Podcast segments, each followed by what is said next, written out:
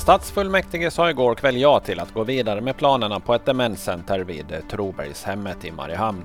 Fullmäktige var eniga i beslutet men lade i ett klämförslag av Roger Jansson att stadsstyrelsen ska presentera förstudien på fullmäktiges möte redan i maj. En tidtabell stadsdirektör Arne Selander tror kan bli knapp. Jag konsulterade fastighetschefen och tre månader är nog för kort. Av de tre månaderna går en månad bort för nämnd och stadsstyrelsebehandling, säger Selander.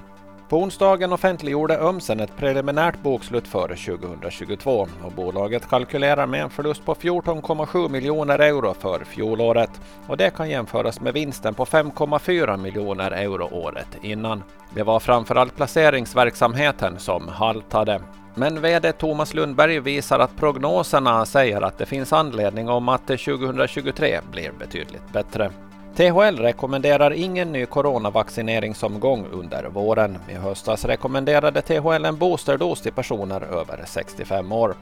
Ytterligare en boosterdos i vår skulle knappast ha någon effekt, säger Hanna Nohynek, överläkare på THL. Det här var Ålandsnytt på en minut med Ove Sjöblom.